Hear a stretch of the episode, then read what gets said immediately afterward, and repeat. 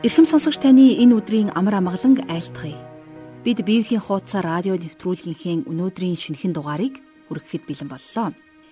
Тэгэхээр бид Ром номоор дамжуулан Бурхан дотор шинэ мөн чанараар өсч, шинэ итгэлийн амьдралаар амьдрах тухай суралцж байна. Биднийг Христэд итгэсэн тэрл мөчөөс хойш Бурханы хүү бидний дотор орших болсон үнэхээр гайхамшигтай. Энэ тухай Паул элчийн бичсэн Колосай номын 1-р бүлгийн 27 дугаар ишлэлд энэхүү нууцын алдрын баялаг нь та нарын дотор байгаа алдрын найдвар болох Христ мөн гэж хэлсэн байдаг.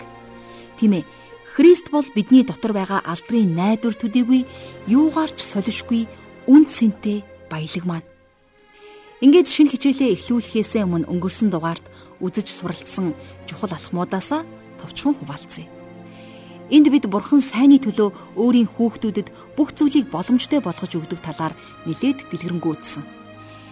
Энэ бүлэг хичээл бол бурханых болсон бидний амьдрал тохиолддог зовлон зүдгүүрийг төвчин туулах үед маш их урам зоригийг өгдгөөрөө үнэхээр онцгой байсан шүү дээ. Бидний бурхан эцэг бол зөвхрөл гомдол, сорилт хавчлах төдийгүй зовлон зүдгүүрийгч сайнаар эргүүлж чаддаг агуу нэгэн билээ.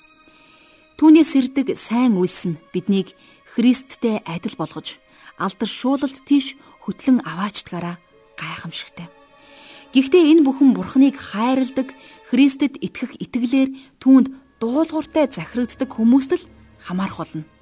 Хамгийн гол нь хинч байсан нүгэл үлдэхдээ Бурхан энийг сайнаар эргүүлж чаднаа хэмээн шалтгаалах ёсгүйг бид ойлгож мэдсэн нь чухал байсан шүү дээ. Ингээд өнөөдрийн хичээлдээ хамтдаа орцгоё. Бид өнөөдөр Ром номын 9-р бүлгийн 1-ээс 5 дугаар ишлэлийг уншиж судлах болно. Ингээд жаргал агшийнхаа хичээлийг эхлүүлж хамтдаа энэ цагийг бурхандаа даатгаж залбирцгаая. Хайр халамжаараа биднийг тэнхрэнд итгүүлэгч Бурхан Аав минь та бидэнд шин зүрх сэтгэл шин мөн чанарыг өгсөнд баярлалаа хэзмэн Бид танаар өдөр дуулахгүйгээр хизээч баяр баясгалантай амар тайван амьдрах чадахгүй. Учир нь та дэлхийг бүтээж хүн амьтдад хэрэгтэй бүхнийг өгсөн. Гисэн хэдий ч өнөөдөр таны агуу төлөвлөгөөнөөс холдож төөрсөн хүн энэ дэлхийгээр дүүрэн байна. Тиймээс ээ та энэхүү радио хичээлээр дамжуулан өөрийнхөө агуу төлөвлөгөөг хүнийг болгонд уллан бүр ойртуулж ойлгуулж өгөөч гэж гуйж байна. Хайртай аав минь ээ бидэнд амар биш ч гэсэн та энэ ам амьдралыг өөрийнхөө хүслийн дагуу удирдан жолоодож өгөөч гэж бид үргэлжлүүлэн залбирч байна. Бид хичээлийн энэ цагийн эхнээс нь дуустал таны мотор төргөж Есүс Христийн нэрээр залбирanгуйж байна. Амен. За ингээд жаргал агшин хичээлд анхаарлаа хандуулцгаая. За өнөөдөр бид хамтдаа Ром номынхон 9-р бүлэг буюу за нийт Ромын загтлын 2 дахь томоохон хэсэг рүү ирж байна. Тэгэхээр Ром номын 1-ээс 8 дугаар бүлэг болвол итгэлийн он сургаалтай холбоотой байсан. Харин 9-өөс 11 дугаар бүлэг бол Бурхны тогтоосон цаг үеийн тухай өгүүлдэг юм. За цаашлах юм бол 12-оос 16 дугаар бүлэг үүргийн тухай бидэнд өгүүлдэг. Тэгэхээр Ром номын эхний 8 бүлэг итгэлийг тодтхон ярьдаг бол за 9-оос 11 дугаар бүлэг нь найдварыг Харин 12-оос 16 дугаар бүлэг нь хайрыг тодтогдог. За бас Ром номыг өөр талаас нь харж болно л доо. Тухайлах юм бол эхний хэсэг нь авралын тухай, за хоёр дахь хэсэг нь ялгаатай талууд, за тэгээд гурав дахь хэсэгт нь үйлчлэлийн тухай ярьдаг. Тэгэхээр Паул Ром номын эхний бүлгийг төгсгөхдөө энэ бүлгүүдэд авралын тухай маш өргөн дүр зургийг өгүүлж бүх хүн төрлөختнийг алдагдсан талаар дурдсан байдаг. Ром номын 3 дугаар бүлгийн 23 дугаар ишлэлийг харах юм бол маш тодорхойгоор Паул ингэж хэлсэн. За бүгд нүгэл үйлдсэн тул Бурхны алдар сууд хүрдгвэ гэж. Бурхан зөвхөн Есүс Христийг эзэнд итгэх итгэлээр аврагдах арга замыг хүмүүн бидэнд өгсөн. Харин одоо Паул хоёр дахь чухал асуудал руугаа хөндөн ярих гэж байгаа. Тэгэхээр энэ асуудлын талаар зарим судлаачид төдийлөн чухал биш. Хавсалт маягаар авч үзэх гээд байдаг л да. Тэгвэл энэ нь Ром номын бүх цагтлын нэгэн чухал хэсэг байгаа зогсохгүй. За бусад хэсгүүдийг нь ойлгоход маш чухал үүрэг гүйцэтгэдэг юм аа. За 8 болон 12 дугаар бүлгийг нэг үгээр сүүх тэргэнд хүлээлсэн хос морь гэж төсөөлж болох юм. А гэхдээ Паул Ромчуудад загтал бичгтээ алгасаж товчлол хийлгүй яг л тааваараа урсаж байгаа гол горх шиг битсэн байдаг. За тийм учраас голын дундаас нь хэсэг газрыг хаах юм бол урсгалын тасархын адилаар 9-өөс 11-р бүлгийг Ром номноос алгасах боломжгүй. Энэ хэсэг дээр сэтгэл зүйн за бас түүхэн болоод онол сургаалын маш чухал хүчин зүйлсүүд дурддагдсан байдаг. За сэтгэл зүйн хүчин зүйлс нь Паулийн үздсэн зүйлс. Хувийн туршлагатай холбоотой. За 9 дугаар бүлгийн эхэнд Паул зөрөсдгөрөө дэлгийн ярьсан байдаг. Тэгэхээр 8 дугаар бүлэг болон 9 дугаар бүлгийн хооронд маш том ангал зай байдаг. За энэ бол 8 дугаар бүлгийн төгсгөлд биднийг их эзэн Есүс Христийн хайраас юу ч салгах боломжгүй гэсэн тунхаглах баяр хөөр байдаг болвол харин сэтгэл гутралаар эхэлж байгаа 9 дугаар бүлгийн эхлэл байдаг. За энэ бүлгээс эхлэн өөр сэдв ярих болсон нь Паулийн зөрсдөглийг имзэглүүлсэн нэгэн тийм зүйл байсан юм. За энэ талаар бид удахгүй үзэх болно. Тэгэхээр түүхэн хүчин зүйлс дотор болвол Паулийн амьдарч байсан үеийн нөхцөл байдал асуудлууд ордог. Орчин үеийн тайлбарууд энэ хүчин зүйлийг нэлээд их орхигдуулсан байдаг. За өнөөдөр бидний явж байгаа сүмүүд ихэнхдээ хариу үндэстнүүдээс бүрддэг учраас сүмийн анхны евдээ гарал угсааны тухай мартсан байна. Учир нь бурхан Израильчуудтай ажиллаж дууссан. За хуучин гэрээний амлалтууд биднийх болсон гих үзэл зөнхөлдөг болсонтой холбоотой юм. А гэхдээ бурхан Израилийг хизээж орхиог. Бурхан тэдний дунд ажилласаар байна. Нэгэн Библи судлаач энэ тухай хэлэхдээ Өнөөгийн итгэгчид өөрсдийгөө анх евдээ үндэстний дундаас үүссэнийг ор тас мартаж Бурхан Израильчуудын дунд хийх ажлаа дууссан гэж боддог. Бурхныг ойлгохгүй байгаа Израильчууд өөрсдийн уламжлалаа орхиод сүмд ирэх хэрэгтэй. А гэвч хамгийн анхны сүм Иерусалимаас төрсөн. За бас анхны итгэгчдийн дунд нэг ч хариуцсан байхгүй. Дан хуулийг сахигч нар байсан евдээчүүдээс л бүрдэж байлаа. Тэд Есүсийг аврагчаа хэмээн хүлээн авсан ч гэсэн хуучин гэрээний заншлуудад дагдаг байсан юм. Тиймээс сүмийн түүхийг бид эндээс эхлэх ёстой гэж хэлсэн байна. Тэгэхээр бид нэр Бурхан Израиль үндэстний дунд ажиллаа дууссан гэж бодох нь эндүүрэл болох нь байна. За энэнд өгөх Паулийн хариулт бол Бурхан өөрийн ард түмнийг голсон гэж үү?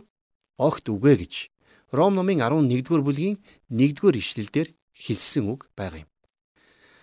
Бурхны Израилийн ард түмэнд өгсөн амлалтууд биелэх болно гэдгийг Бурхан харуулдаг. За бас бурхан сүмд амлалтуудыг өгсөн. За тэгээд бурхан өнөөдөр Евдэ болон харь үндэстэн хоёулангийн дундаас өөрт нь итгэх хүмүүсийг дуудаж байгаа. Иерусалимд оролцсон анхны сүмийн зөвлөлч гисэн яг ийм дүгнэлтэнд хүрсэн байдаг. За Үлс номын 15 дугаар бүлгийн 1-ээс 18 дугаар эшлэлдэр Бурхны эртнээс өгсөн амлалтын гол биелэл гардаг. За энд ингэж бичсэн байна. Тэр хоёрыг ярьж дууссаны дараа Яаков Ах トゥ нар минь намайг сонсцгоо. Бурхан өөрийнхөө нэрийн төлөөх хүмүүсийг хариу үндэстнүүдийн дотроос авах талаар анх хэрхэн харуулсан тухай Симон хэллээ. Үүнтэй иш үзүүлэгчдийн үгсч нийцдэг. Энэ тухай ингэж бичжээ. Үүний дараа би эргэж ирээд Давидын нурсан асрыг дахин босгоно. Түүний нурангийг би дахин босгож сэргээнэ. Энэ нь миний нэрээр дуудагдсан бүх хариуцнууд болон бусад хүмүүс эзнийг ирж хайхын тулд болоо гэж эдгээрийг өн эртнээс мэдэгддэг эзэн айлдж байна гэж. Тэгэхээр эндээс харах юм бол бурхан өөрийн нэрийн төлөөх хүмүүсийг дуудаж байна гэдгийг Яаков яг ингэж тайлбарлсан байна. Бурхан энэ ажлаа хийж дуусгахад сүм байхаа болж бурхан дахин Израиль руу иргэнэ. А гисэн хэдий ч бурхан харь үндэсний дунд ажилласаар л байх болно. За тэр үед аврагдсан бүх харь үндэстнүүд Израилийн хамт бурхны хаанчлалд орж бурхны хаанчлал дэлхий дээр тогтоогдно. Тиймээс түүхэн хүчин зүйлийг орхигдуулж юур болохгүй. За харин 3 дугаар зүйл болох он сургаалын хүчин зүйл нь Бурхны тогтоосон цаг үе болоод за мөн Бурхны зорилгоодыг зөв тайлбарлахтай холбоотой байдаг. Тэгэхээр Паул Ром номын эхний 8 бүлэг дээр гим нүгэл, аврал, ариусл гээд том сэдвүүдийг алдаршуулагдах үе хүртэл ярьсан байна. Бидний амьдарч байгаа өнөө үед яс үндэс, угсаа, гарал, ёс жаяг, уламжлал зэргийг авч үздэг бол Бурхан хүнээс зөвхөн итгэлийг л хардаг юм. Хүн ямар ч үндэстний хүн байлаа Бурханаас өршөөлөг авах боломжтой. Тийм учраас хуучин гэрээнд гардаг Израиль болон харь үндэстний ялгаа одоо байхгүй болсон. А гэхдээ энэ асуудлын талаар Паул ярихдаа Бурхан өөрийн ард түмнийг голсон гэж юу гэсэн асуултаар энэхүү яриаг эхлүүлсэн. Хариулт бол мэдээж үгүй. Паул энэ загтлаа эхлүүлэхдээ сайн мэдээ бол эхлээд евдэйчүүдэд зориулсан гэж Ромын 1-ийн 16 дугаар эшлэлдэр хэлснийг та санаж байгаа. Тэгэхээр энэ дарааллын хувьд эхлээд тэд нар сонссон тухайга ярьж байгаа бол л та.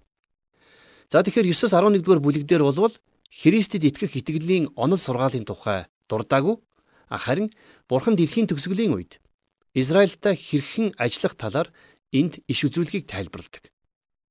Тэгэхээр 9 дугаар бүлгийн эхлэлээс та Бурхан Израильд урд нь юу хийж байсан тухай өгүүлж байгааг анзаарах болно. За тэгээд дараагаар нь 10 дугаар бүлэг дээр бидэнд Бурханы одоогийн Израильд хийж байгаа зүйлсийг өгүүлсэн байдаг болвол 11 дугаар бүлэг дээр Бурхан Израиль үндэстний ирээдүйд юу хийх талаар өгүүлэх юм. Бурхан урд өмнө энэ үндэстэнд ажиллаж ирсэн нь тэдний сайных биш. Харин Бурханы бүх үйлдэлүүд нь түүний агуу зорилгын дагуу байдаг. Тэр Израильд хандахдаач та бидэнд хандахдаач өршөөл инэрлэр дүүрэн ханддаг. За ингээд өнөөдрийнхөө хичээлийн эхлэл болгож Ром номынхон 9-р бүлгийн 1-р ишлэлийг хамтдаа одоо уншъя. Би худал яриагвэ. Христ дор үннийг хэлж байна. Миний мэс чанар ариун сүнсээр надад гэрчилж байгаачлан. За би энэ төр зогсомоор байна. Тэгэхээр энэ оршил болвол танд магадгүй их албаны сонсогдож болох юм. А гэхдээ Паулийг энэ үед хүмүүс өөрийнхөө ард түмнийг эсэргүүцэгч гэж буруутгаж байсан гэдгийг би бас хэлмээр байна.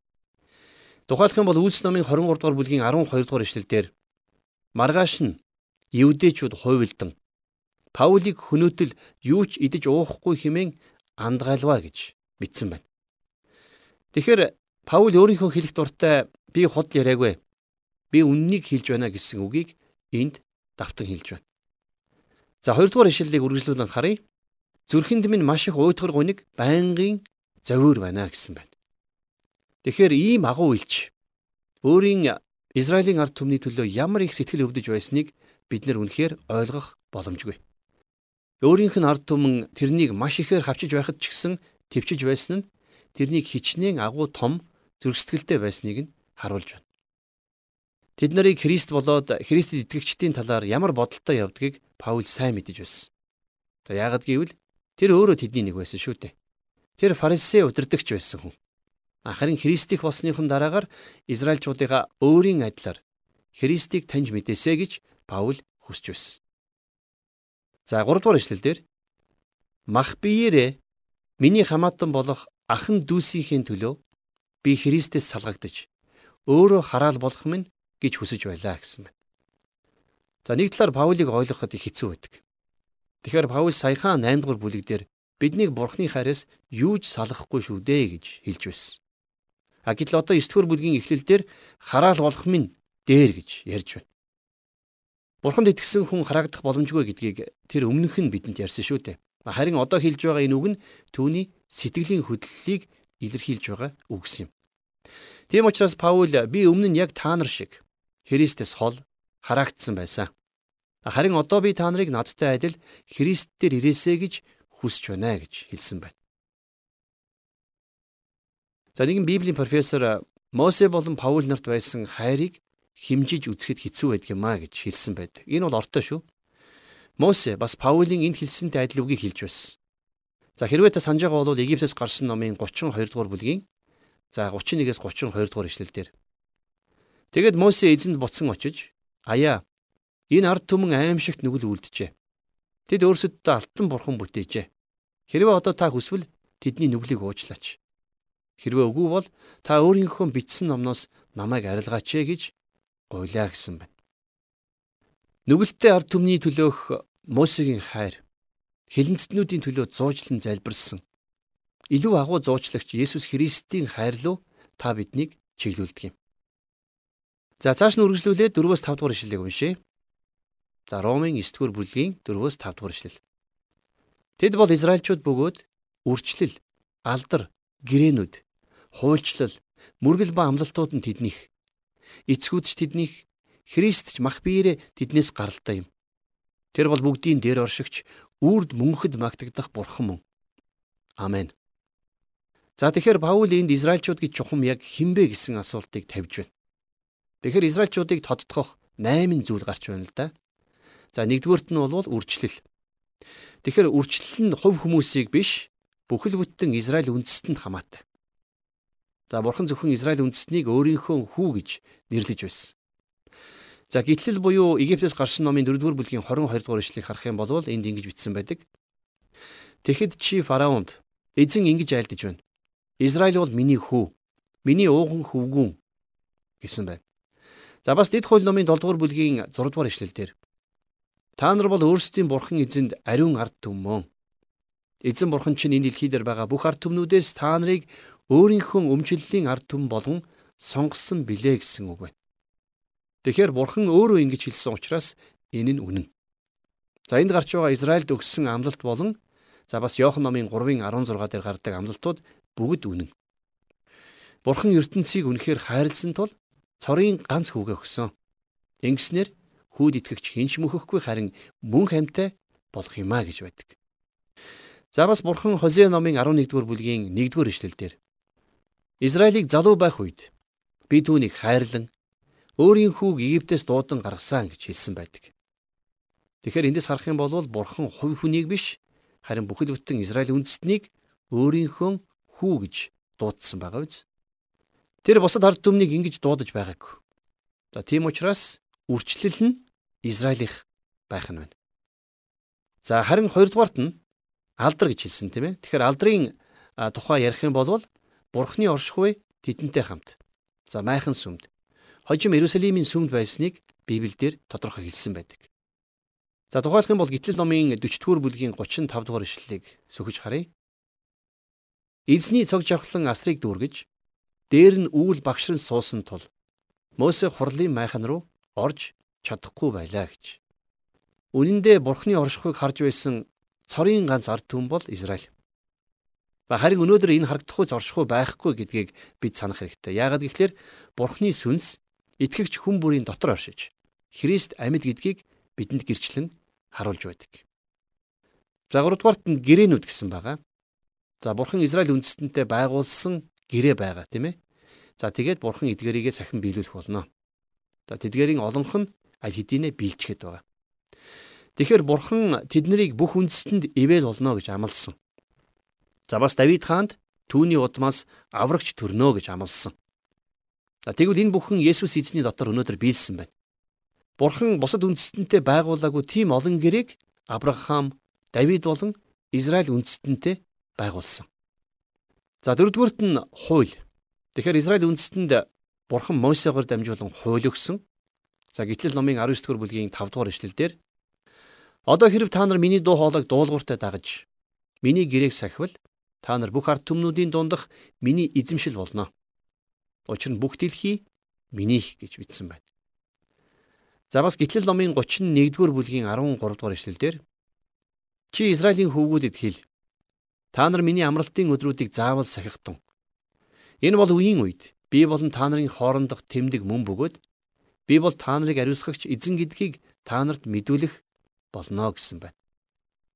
За энэ үгийг Израиль үндэстэн зориулж хэлсэн. Энэ тушаал бол Есүст итгэгч хүмүүс бидэнд хамаагүй. Бурхан мэдээж амралтын өдрийн хуулийг өөрчлөөгүй боловч биднийг өөрчилсөн. Та бид нар Христийн дотор Бурхантай шин харилцаатай болсон. Тэгэхээр Бурхан Мосегийн хуулийг зөвхөн Израильд өгсөн байх нь. За харин 5 дугаарт нь Бурханы үйлчлэл. За энэ нь майхан сүмийн болон Евдийн сүмийн үйлчлэлтэй холбоотой. За тэднийг тахилч нарын хаанчлал ариун үндэстэн болно гэж Бурхан айлдсан байдаг. За гítэл номын 19 дугаар бүлгийн 6 дугаар ишлэлийг харах юм бол та нар надад тахилч нарын хаанчлал ариун үндэстэн болно. Эдгээр үгсийг чи Израилийн хөвгүүдэд хэл гэвэ гэсэн байна. Энэ үндэстэн бурхны үгийг биелүүлээгүй ч гэсэн бурхан тэднийг орхиогүй байгаа. Тийм учраас бурхны зорилгууд биелэх болно.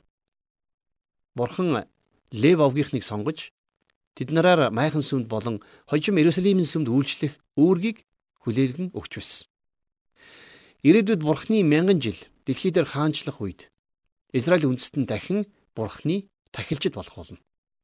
За харин 6 дугаарт нь амлалтууд гэж бичсэн байна. Тэгэхээр хуучин гэрээ энэ ард түмэнд өгсөн амлалтуудаар дүүрэн байдаг. За тухайлх юм бол Йошуа номын 1-р бүлгийн 2-р эшлэлдэр Бурхан Йошуад хандаж Миний зарц Мосе нас барав. Тэгэхээр одоо босож энэ бүх хүмүүсийн хамт Йордныг гатлан Израилийн хөвгүүд болох тэдэнд миний өгч буй тэр газар руу яв гэж хэлсэн. За Израильчууд амлсан газрыг эзэмших ёстой байсан. Харин одоо энэ газар Израиль Палестины дайн болж байгаа. А гэхдээ бурхан энэ газар нутгийг анх Израильчуудад өгсөн юм. За Есүс их эзэн энэ дэлхий дээр дахин ирж дэлхийг ноёрхох үед энэ нутаг буцаад сайн сайхан байдал руугаа иргэн очих болно. За ингээд 7 дугаарт нь эцгүүд гэж хэлсэн байна. Тэгэхээр эцгүүд гэснээр Авраам, Исаак, за Яаковыг хэлж байгаа. За харин эцэст нь буюу 8 дугаарт нь Христ аврагчийг тодтогж байна. Тэгэхээр Есүс махан биеэр энэ дэлхийд ирсэн. Тэр дэлхий төрөхдөө Евдээ хүн болж төрсөн. Та санаж нь хотгийн дэргэд Есүстэй таарсан эмэгтэй Есүсийг Евдээ овгийн хүн гэж нэрлэдэг. За энэ тухай Иохны 4-ийн 9-дэр бичигдсэн байдаг. Өнөөх самар эмэгтэй та евдээ хүн байж самар эмэгтэй надаас яагаад уух юм гойнвэ гэв. Учир нь евдээчүүд самарчуудтай харьцдаггүй байжээ гэж бичсэн байна. За бас Паул Коринтотынд бичсэн 2 дугаар захидлынхаа 5-ын 16 дугаар эшлэлдэр Ийм дүүнээс хойш бид хэнийг ч махан биеийн дагуу үзэхгүй. Хэдийгээр бид Христийг махан биеийн дагуу мэддэг байсан ч гэсэн эдүгээ бид түүнийг дахиад тийм байдлаар нь мэдэхгүй гэж Христийг махан биеийн дагуу мэдхээ болсныг та бидэнд сануулсан бичсэн байна.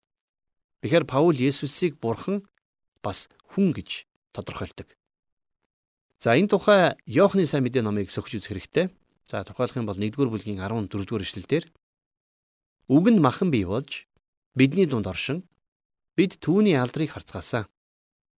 Энэ нь эцгийн цорын ганц хүүгийн алдар бөгөөд нэгүүлсэл ба үннээр дүүрэн байсан юм а гэж бичсэн байна. Христ Израиль үндэстэнд нялх хүүхэд болон төрсөн. Худгийн дэргэд сууж байсан эмэгтэй түүнийг Юдэ гэж таньсан. За тийм учраас магадгүй бид дээрх бусад шинж тэмдгүүдээс аврагч Христийг салгах хэрэгтэй байхаа. Яагаад гэвэл энэ нь бусдаас илүү агуу зүйл. Энэ талаар Еврей номын 2-ын 16 дугаар эшлэлдэр Учир нь үнэхээр тэр Тэнгэр элч нарт бус. Харин Авраамийн үр удамд тусалдаг билээ гэсэн байдгийм байна. Тэгэхээр дэлхийн ертөнцид болон бидний амьдралд болж байгаа бүх зүйлийн цаана Бурхны зорилгууд биелж байдаг болохыг бид өнөөдрийн хичээлээс суралцлаа. Түүний санаа зориг үнэхээр гайхамшигтай. Халелуя гэж түүнийг магтъя. Тэр дэлхийн ертөнцийг дайн самуунгүй амар тайван байж түүн дээр амьдрагч хүмүүс биднийг аз жаргалтай эрүүл сарвал байгаасай гэж хүсдэг. Харин өнөөдөр бидний амьдарч байгаа дэлхийд Бурхны нүдэнд тааламжгүй зүйл асар олон бий. Хүмүүс хоорондоо дайтаж, бие биенээ хуурам эхэлж, хөнөөж, хорт муу зуршилд донтох гээд маш олон муу үйлсүүд улам бүр ихсээр байгааг та бид сэтгэл эмзэглэн хардаг. Мэдээж бидний бурхан эцэг өөрийн хамгийн хайртай бүтээлүүдийг ингэж амьдраасаа гэж үнэхээр хүсдэггүй нь ойлгомжтой. Энэ бол түүний төлөвлөгөө биш. Харин бидний өөрсдийн манал сонголтын үр дагавар. Бурхан хизээж та бидний сонголтонд оролцдоггүй.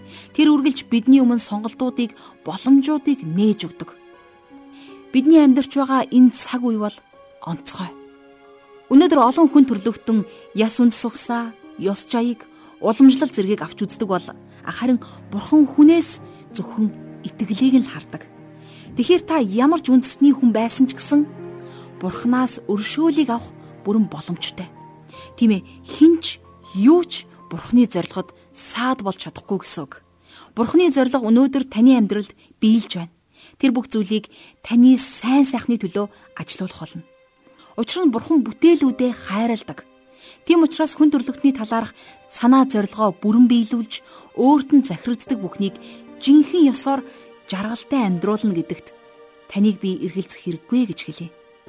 Харин та сурсан зүйлийнхээ төлөө бурханд заавал талархаарай. Учир нь өнөөдөр бид Ром номын 9-р бүлгийн эхний 5 ишлэлийг хамтдаа уншиж судалсан байгаа шүү дээ. За ингээд хичээлийн төгсгөлд хамтдаа бурхны өмнө очицгоё. Үргэлж дэргэд минь байж хөтлөн жолооддаг бурхан аав минь. Таньда энэ гайхамшигтай цагийг зөвшөөрж өгсөнд баярлалаа гэж таньда талархаж байна. Эзэн минь ээ, таны зориг бидний амь амьдралд биелж байгаад бид чин сэтгэлээсээ талархаж байна. Хүмүүс биднийг хайрлсан энэ л агуу хайраа. Та таныг мэдгүй байгаа, бас ойлгож чадахгүй байгаа тэдгээр хүмүүсийн зүрх сэтгэлд та энэхүү радио хичээлээр, радио үйлчлэлээр дамжуулан хүргээч гэж гуйж байна. Аваа тэдний зүрх сэтгэлийн хаалгыг хааж байгаа тэр бүх зүйлийг та нураан үгүйсгэж харин та амьд үгээрээ тэр хаалгыг тэр зүрх сэтгэлийн хүшгийг тайлаач гэж гуйж байна. Их эзэн минь ээ таны хүсэл дотор алхахад та бидэнд үргэлжлүүлэн зааж зааварчилж өгөөрэй. Хамгаас хайртай хүүгийн тань нэрээр бид залбирanгуйж байна. Амен.